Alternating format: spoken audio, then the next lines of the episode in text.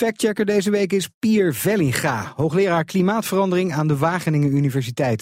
Volgens hem is de stelling te scherp gesteld, want ook voor 1998 hadden oogsten te lijden onder het weer. Ook vorige eeuw was gewasschade een regelmatig terugkerend item. Uh, vaak wel in de herfst met aardappels en zo, niet zo vaak in de zomer.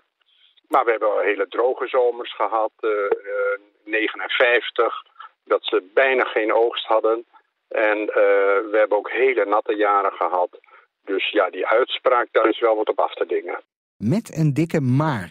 Want het weer is wel degelijk veel veranderd. De regenval is toch gemiddeld ongeveer 30% toegenomen. En die piekbuien waarschijnlijk nog wel iets meer. Maar dat kunnen we niet eens helemaal goed meten. Dat zie je lokaal wel, dat die piekbuien geweldig zijn en vaker lokale overstromingen, dat het van de straat je huis binnenloopt of de winkels binnenloopt, dat is wel iets van de laatste tien jaar. 30% meer regen.